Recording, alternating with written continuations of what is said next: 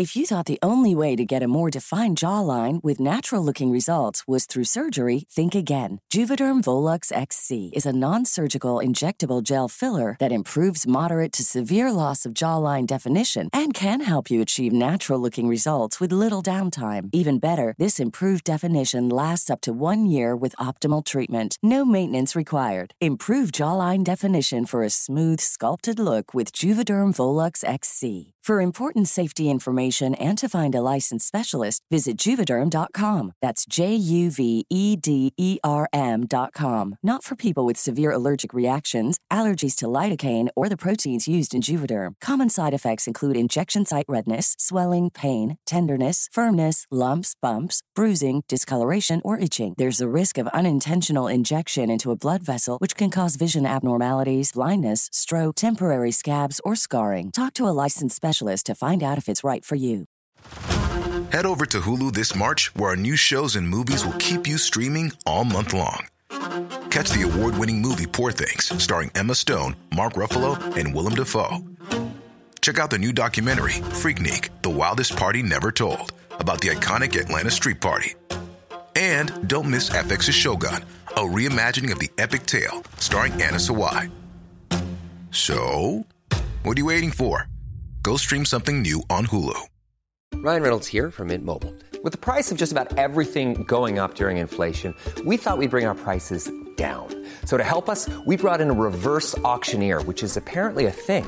Mint Mobile unlimited premium wireless. Ready to get 30, 30, bit to get 30, bit to get 20, 20, 20, bit to get 20, 20, bit to get 15, 15, 15, 15 just 15 bucks a month. So, Give it a try at mintmobile.com slash switch. $45 upfront for three months plus taxes and fees. Promo rate for new customers for limited time. Unlimited more than 40 gigabytes per month. Slows. Full terms at mintmobile.com. Helt siden de første menneskene slo seg ned i Trøndelag, har det blitt observert underlige lys over Hessdalen. Fenomenet har blitt forsøkt bortforklart som syner sett av bygdetullinger og deliriske hallusinasjoner forårsaket av den lokale drikkekulturen. Men det skulle vise seg at fenomenet stakk langt dypere når Hessdalen-fenomenet fikk verdensomspennende oppmerksomhet i ufo-miljøet på 1980-tallet. Fenomenet er fremdeles der, og det er fremdeles like uforklarlig som den gang. I 2024 kommer en podkastserie i seks deler, produsert av Project Hessdalen, som kanskje en gang for alle skal finne svar på hva som rører seg på himmelen i denne bortgjemte dalen i Trøndelag. Serien har som seg hør og bør fått tittelen A Blaze in the Northern Sky, og den kommer til din favorittpodkastavspiller i 2024.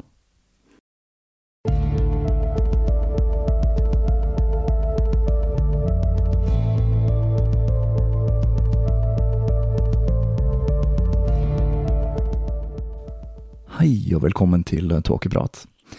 Jeg heter Even, og når jeg tar opp denne episode 135, så er det mandag den 15. juni 2020.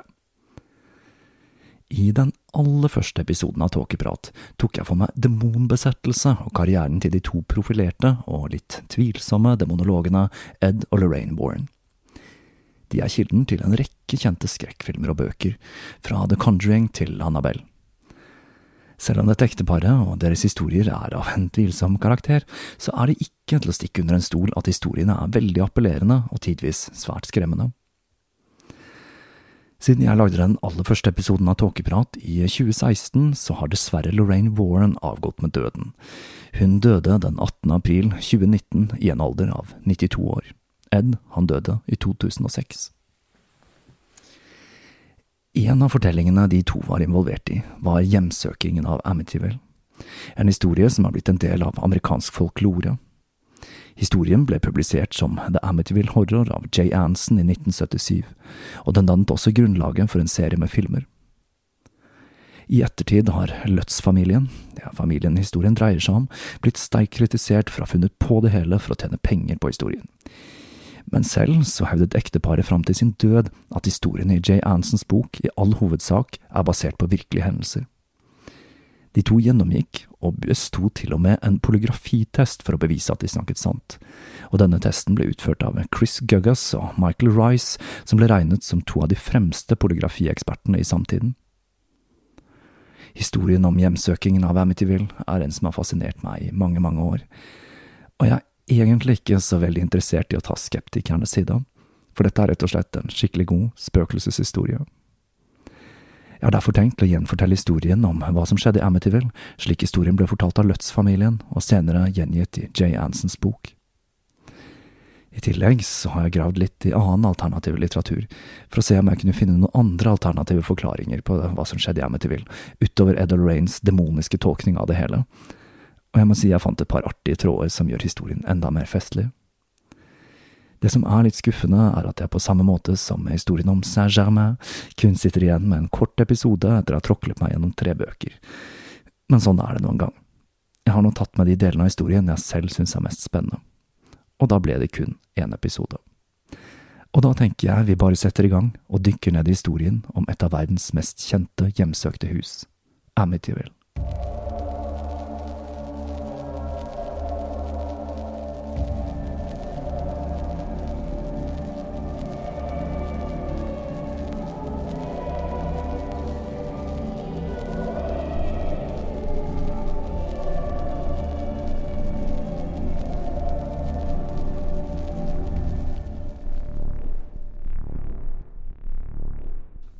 Den 15. januar 1976 flyktet Lutz-familien fra huset sitt i Amityville og hevdet at de hadde blitt utsatt for et angrep fra overnaturlige krefter.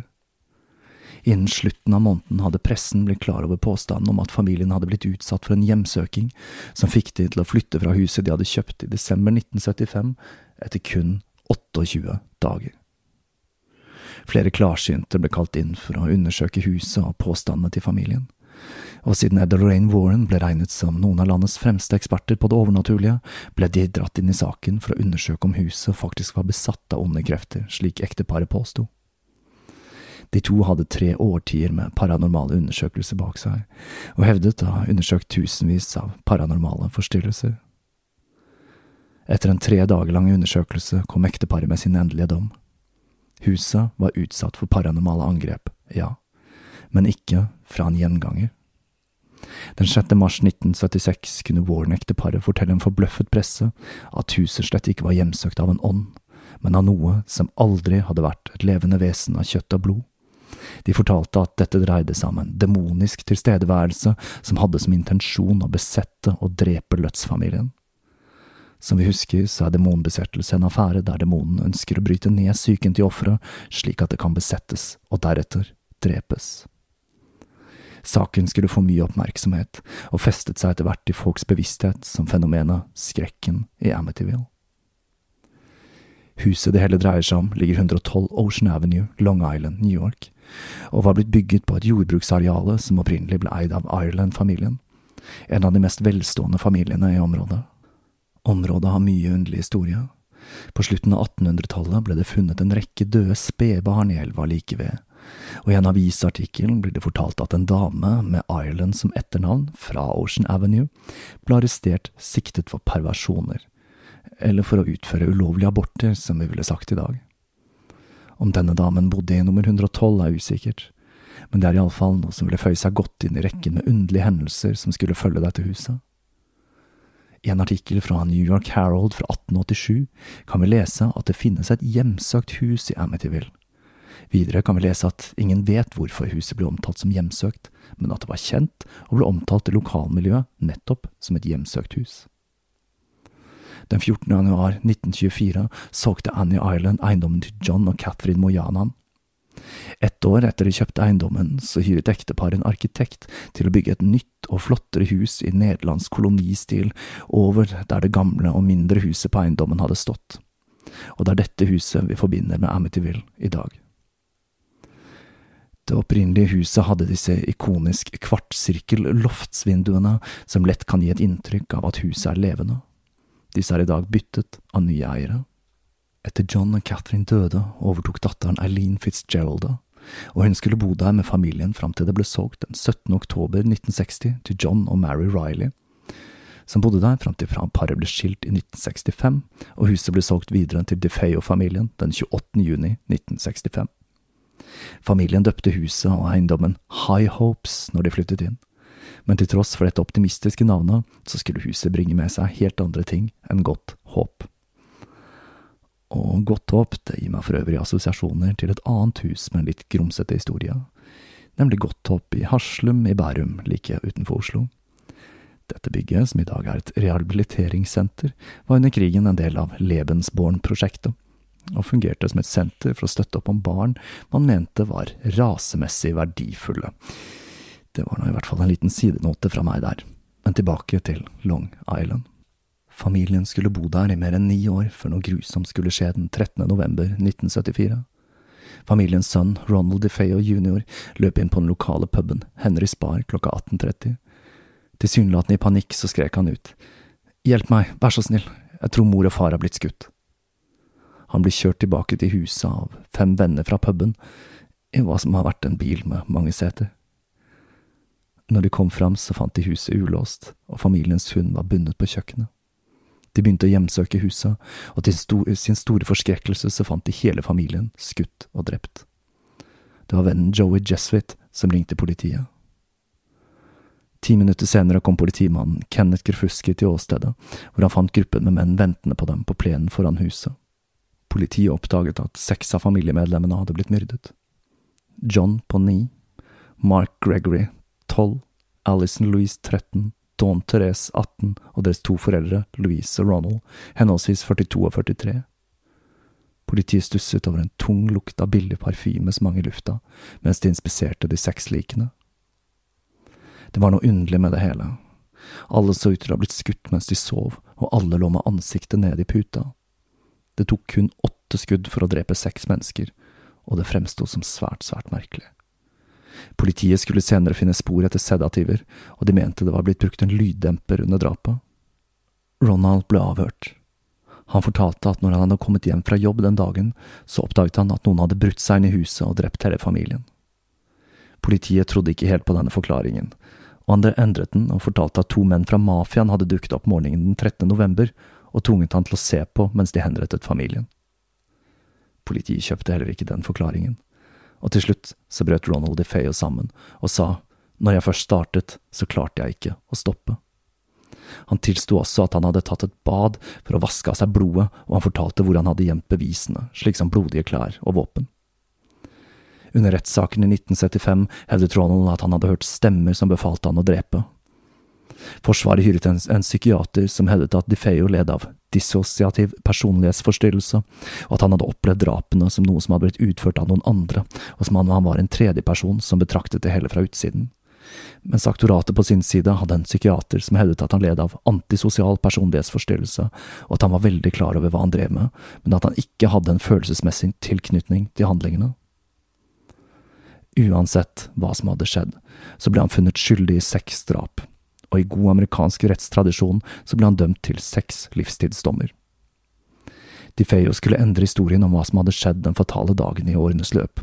Han skulle blant annet hevde at det var søsteren Dawn som hadde vært primus motor bak drapene. Ronald DeFeo lever den dag i dag, og han soner en livstidsdom i Sullivan Correctional Facility i Falsburg, New York. Huset med den grusomme historien ble naturlig nok stående tomt, selv om det ble lagt ut for salg for kun 80 000 dollar. Men det skulle ikke stå tomt så lenge. For 13 måneder etter de grusomme drapene så kjøpte familien Lutz huset og eiendommen. De hadde vært på jakt etter et hus akkurat som det, med en egen båtplass og svømmebasseng. Og selv om de var klar over den mørke historien til huset, så følte de at dette var en såpass god investering at de kunne leve med den mørke historien. I tillegg så fikk de med alt inventaret i huset for 400 dollar ekstra, Ingen hadde nemlig tatt seg bryet med å flytte ut møblementet etter de Feo-familien. Det nygifte paret flyttet inn i huset den 18. desember 1975 sammen med Katies tre barn fra tidligere ekteskap.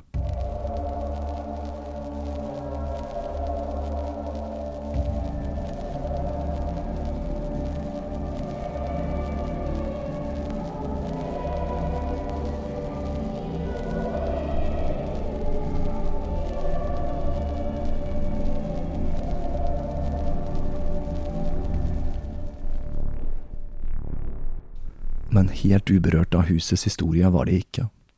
En venn fikk en katolsk prest, fader Ralf J. Pecoraro, til å velsigne huset. I et intervju fra 1979 forteller Pecoraro at han følte en veldig kulde når han gikk inn i et rom i andre etasje. Han syntes dette var litt underlig, Det var riktignok vinter, men det var en solskinnsdag, og han hadde ikke følt den samme kulden i resten av huset. Pecoraro begynte å velsigne rommet med vidvann, og da hørte han en stemme som freste. Kom deg ut! Og det føltes ut som om han fikk en ørefik, men den forskrekkede presten kunne ikke se at det var noen der. Presten skulle senere utvikle et blemmaktig utslett etter besøket i det hjemsøkte huset. Presten fortalte ikke familien noe om hva som hadde skjedd der og da, men han ringte George Lutz den 24. desember og advarte ham og ba familien holde seg unna dette rommet i andre etasje. Denne hendelsen skulle bare være starten på en serie med merkelige fenomener. George begynte å våkne hver natt klokken 03.15, og Katie begynte å ha en serie med drømmer om drapene som hadde funnet sted i huset. De skulle etter hvert oppdage at 03.15 var tidspunktet DeFeo-familien ble myrdet. Barna begynte også å oppføre seg underlig. De begynte å sove på magen, i, de samme, i den samme stillingen de myrdede barna hadde blitt funnet i. Fenomenet ble stadig sterkere, og de opplevde steder i huset som merkelig kalde, kjente lukten av avføring og parfyme som tilsynelatende oppsto ingensteds fra og forsvant like raskt som de dukket opp. Selv om det var midt på vinteren, så ble huset plutselig invadert av fluer, og de kunne høre lyden av dører og vinduer som åpnet og lukket seg uten at det fantes noen god forklaring på det. En natt våknet de til og med av et brak, og de oppdaget at inngangsdøren hadde blitt revet av hengslene. George våknet flere ganger av noe som hørtes ut som inngangsdøren som ble smelt igjen, men hver gang han gikk for å undersøke, så så alt ut som normalt. Han hevdet også at han hørte lyden av noe som hørtes ut som korpsmusikk som ble spilt av en radio som ikke var helt riktig innstilt, men hver gang han gikk for å undersøke, så forsvant lyden like brått som den hadde oppstått. Og så hadde det tydeligvis vært noen svartmetallere på besøk der også, for til Lutz-ekteparets store forskrekkelse så ble et krusifiks i huset snudd opp ned. Turn every cross, ja. George oppdaget et underlig rom bak noen hyller i kjelleren, og dette rommet det fantes ikke på noen av tegningene til huset, og det var malt rødt. Men her må det sies at selv om dette høres utrolig stilig ut, dette med et hemmelig rødmalt rom i kjelleren, jeg tenker på Ondskapens hotell og Red Room, så er dette en av de tingene som har fått skeptikerne til å rynke på nesa i ettertid, da dette dreier seg om et kott, og det var ikke spesielt godt skjult. Uansett, ting begynte også å skje med Katie. Hun opplevde at en usynlig skikkelse omfavnet henne i forbindelse med parfymelukten, og hun fikk røde merker på brystet, også forårsaket av en usynlig, ukjent kraft. I beste eksorsistenstil så begynte hun en natt å levitere fra sengen, og hun skulle ha gjennomgått en fysisk transformasjon hvor hun endret utseende og eldes til å bli en 90 år gammel dame. George ble rammet av en intens kulde som satte seg i kroppen, og til tross for at fyren fungerte som den skulle, så klarte han aldri helt å få varmen i seg. Han forsøkte desperat å få varmen ved å kontinuerlig fyre peisen, og en dag han og Kathy satt foran peisen, så så de et demonisk hettekledd, halvbrent ansikt bakerst i flammene, som gikk i oppløsning og ble til aske. Denne kappekledde skikkelsen, som jeg da antar var en slags manifestasjon av det demoniske vesenet som hjemsøkte familien, skulle dukke opp flere ganger. En kveld han satt i stolen med peisen og småsov, følte han et sterkt behov for å snu seg rundt. Han snudde seg, og der kunne han igjen se den kappekledde skikkelsen. Denne gangen var det halvbrente ansiktet klarere enn sist, og George innså til sin forskrekkelse at ansiktet var hans eget. I frykt og fortvilelse så skrek han til, og Katie, som var overbevist om at mannen hadde sovnet der i stolen, gikk bort til han og forsøkte å roe ham ned. Det var da Missy kom inn i rommet. Pappa, du må komme, Jodi vil snakke med deg, brøt hun ut.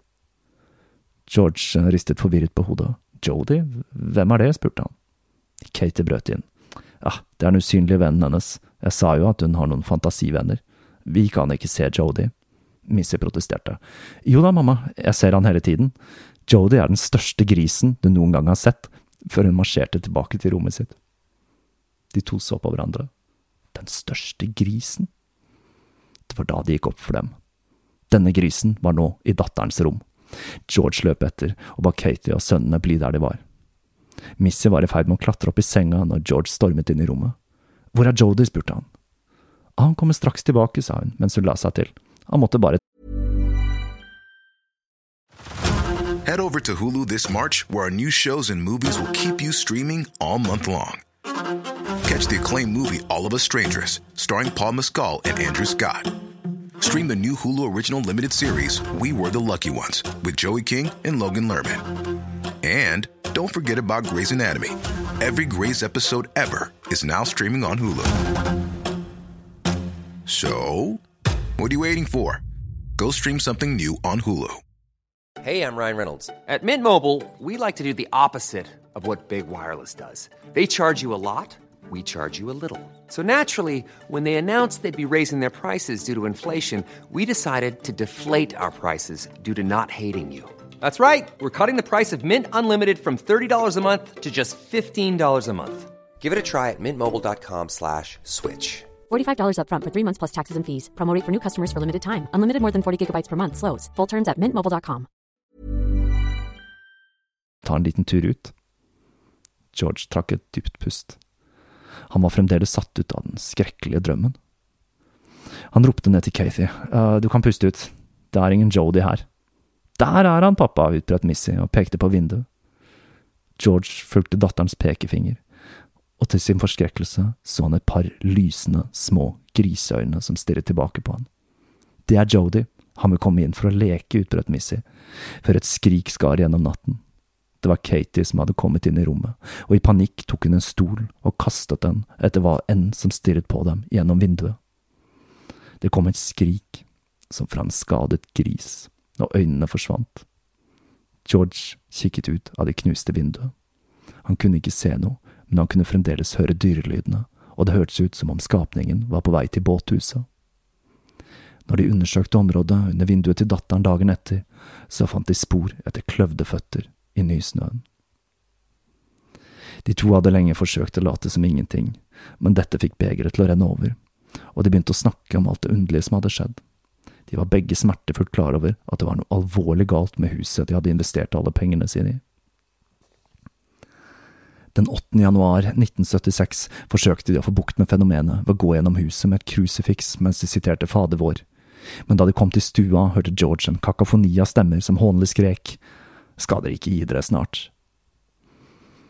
Og dette forsøket ga ikke ønskede resultater. Tvert imot så tiltok fenomenet i styrke. Møblene begynte å levitere, sengene hoppet, skuffer åpnet og lukket seg selv, og følelsen av en ondsinnet tilstedeværelse var sterkere enn noen gang tidligere. Etter kun 28 dager i sitt nye hjem satte familien seg i bilen den 14. januar 1976 og forlot huset i panikk uten å ta med seg noen av eiendelene sine.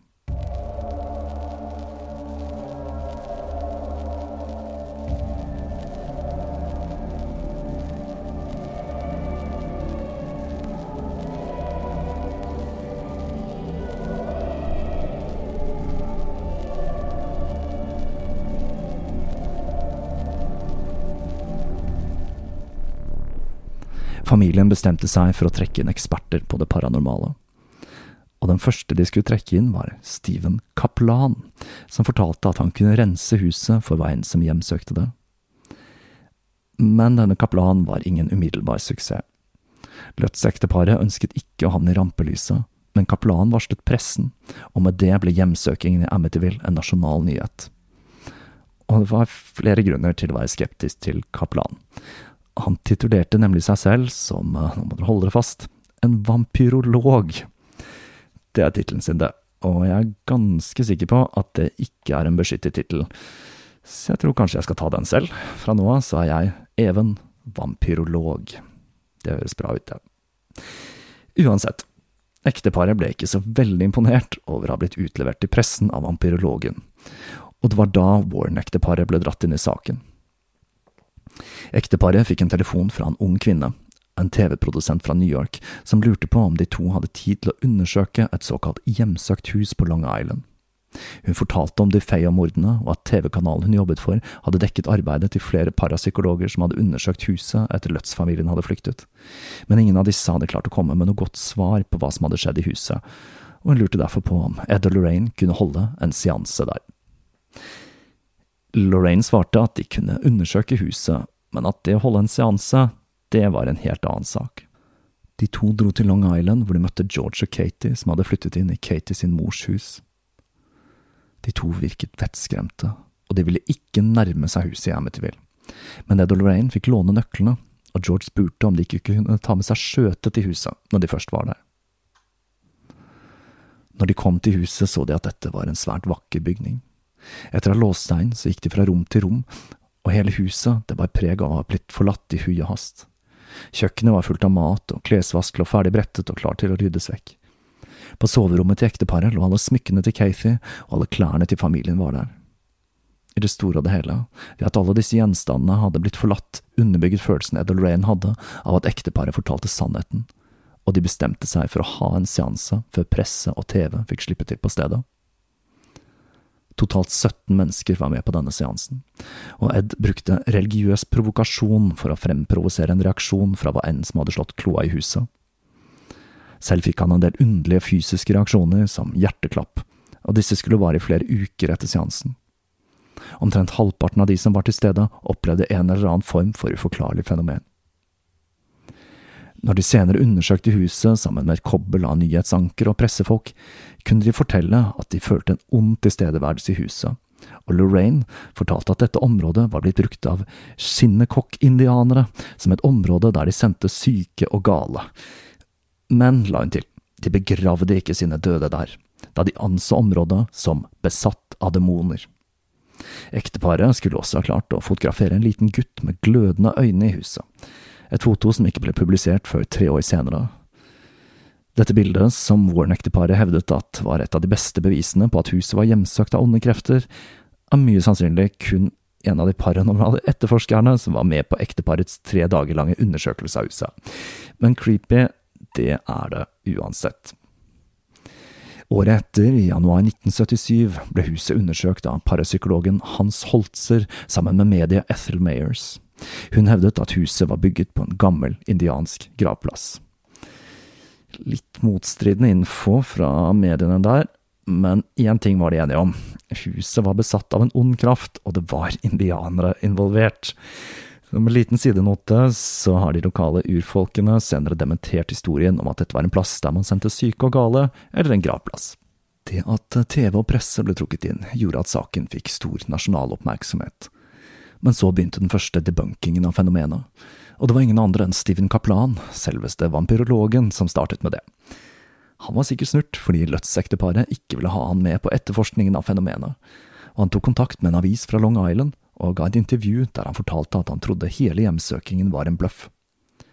Kaplan skulle utmerke seg som den som var spydspissen blant de som avfeide fenomenet, og han skulle bli ganske profilert som en Amityville debunker, og skrev til og med en bok, The Amityville Horror Conspiracy, sammen med sin kone Roxanne. Men kanskje huset faktisk hadde en forbannelse over seg, for kaplanen han døde av et hjerteattakk bare noen få uker før denne boka ble publisert, i 1995. Og det må jo sies at det er litt spesielt at den ledende skeptikeren er en fyr som titulerer seg selv som vampyrolog. Totalt så tjente Lutz-familien noe slikt som 400 000 dollar på boka og filmene som kom i ettertid. Men dette var bare en liten brøkdel av hva Jay Anson og filmselskapet kunne håve inn på historien. Det som er litt underlig, er at alle som har bodd i huset etter Lutz-familien, ikke har opplevd den typen fenomener det fortelles om i The Amityville Horror, og det kan jo få en til å spekulere i om det ikke var huset som var hjemsøkt, men familien. Etter de flyktet fra huset, fulgte nemlig fenomenet med dem, og det gikk ikke så veldig lang tid før ting i nærheten av dem begynte å levitere, og de igjen var hjemsøkt av underlige drømmer. En av de aller kuleste spekulasjonene om hva som skjedde i Amityville, har vi fra Katies sønn, Chris Lutz. Og nå gjelder det å holde seg fast her. Han forteller nemlig at George Lutz var en venn av Raymond Buckland. Og ja da. Raymond Buckland, som opprinnelig var fra London, men som emigrerte til Statene og bosatte seg på Long Island, ikke langt fra Amityville i 1962, har jo dukket opp i tåkeprat tidligere.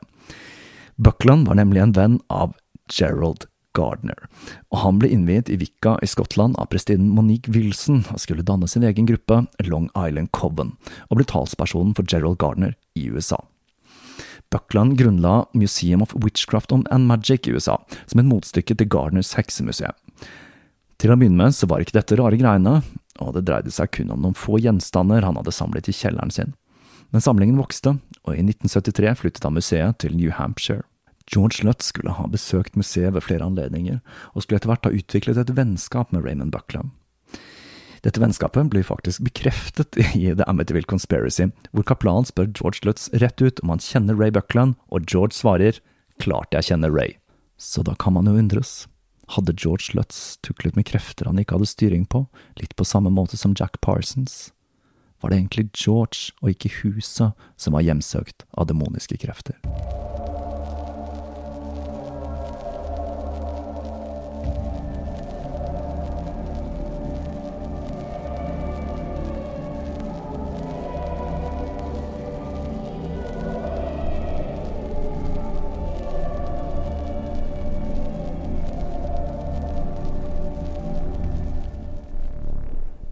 Det var historien om Amityville. Jeg vil på det varmeste anbefale de som er interessert i historien, om å lese Jay Ansons bok The Amityville Horror, som er en skikkelig skrekklassiker, og hvis tittelen angivelig er inspirert av HB Lovecrafts Dunbridge Horror. Filmen basert på boka, den så jeg akkurat på ny, og jeg må vel si at den ikke har tålt tidens tann så veldig godt, selv om den nå vel må kunne sies å være en klassiker. Det som er fascinerende med fortellingen om Amityville, er at den aldri har blitt fullstendig debunket. Løftsekteparet hevdet at det aller meste man kan lese i Ansons bok, er sant, og det er kanskje akkurat det som har gjort at denne fortellingen fremdeles er så tiltrekkende. Og jeg må jo si at hele ideen om at Raymond Buckland kan ha vært en del av historien, er noe som gjør det hele enda mer spennende for min del.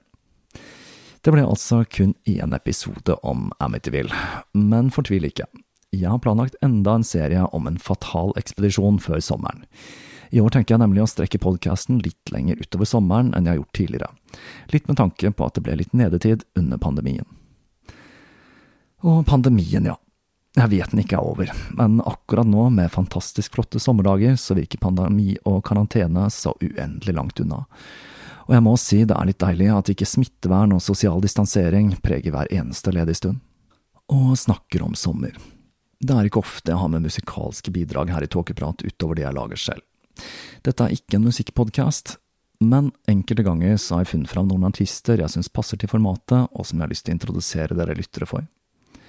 I fjor så spilte jeg Linde Faye Hella da hun slapp sin første soloplate, Seafarer, og jeg gjorde dette fordi jeg syns Lindy fortjener litt mer oppmerksomhet. Hun er rett og slett en norsk nasjonalskatt med en unik stemme, som en slags blanding av Mari Boine, Bjørk, Dead Can Dance eller noe i den duren der. Det er litt vanskelig å sette fingeren på.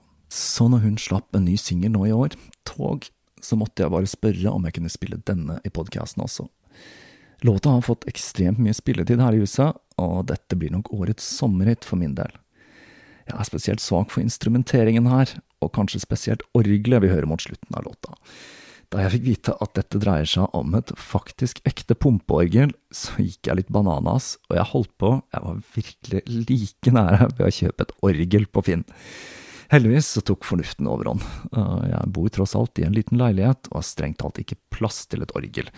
Jeg mistenker hun jeg leier hos ikke ville bli så veldig begeistret for sene kvelder med orgelspill. Låta er en refleksjon over hvordan det var å reise med jernbane når denne var en nyvinning, og jeg kjenner litt på akkurat den følelsen jeg hører låta. Selv så reiser jeg en del med tog, og akkurat den følelsen når man setter seg på toget for å dra til en ny plass og ser landskapet gli forbi, er en helt unik greie. En greie som er veldig annerledes enn det å fly, for eksempel. Man får virkelig følelsen av å reise. Jeg vil jo tippe at mange av dere som hører på, kanskje vil reise med tog i sommer, nå som de aller fleste av oss må belage seg på norgesferie og da kan det kanskje være passende å gi denne låta litt spilletid, og kanskje tenke på hvilket eventyr det kunne være å gi seg kast med en togtur i jernbanens tidlige historie. Her kan vi jo tenke på hvor stort det må ha vært for Jack Hornbys nevø Edgar når de to ga seg kast med en reise som skulle ta dem dypt inn i den canadiske villmarka på et eventyr som til slutt skulle føre dem til sultedøden. Så med den lystige tanken så gir jeg dere årets sommerhit, Tog med Lindy Faye Hella.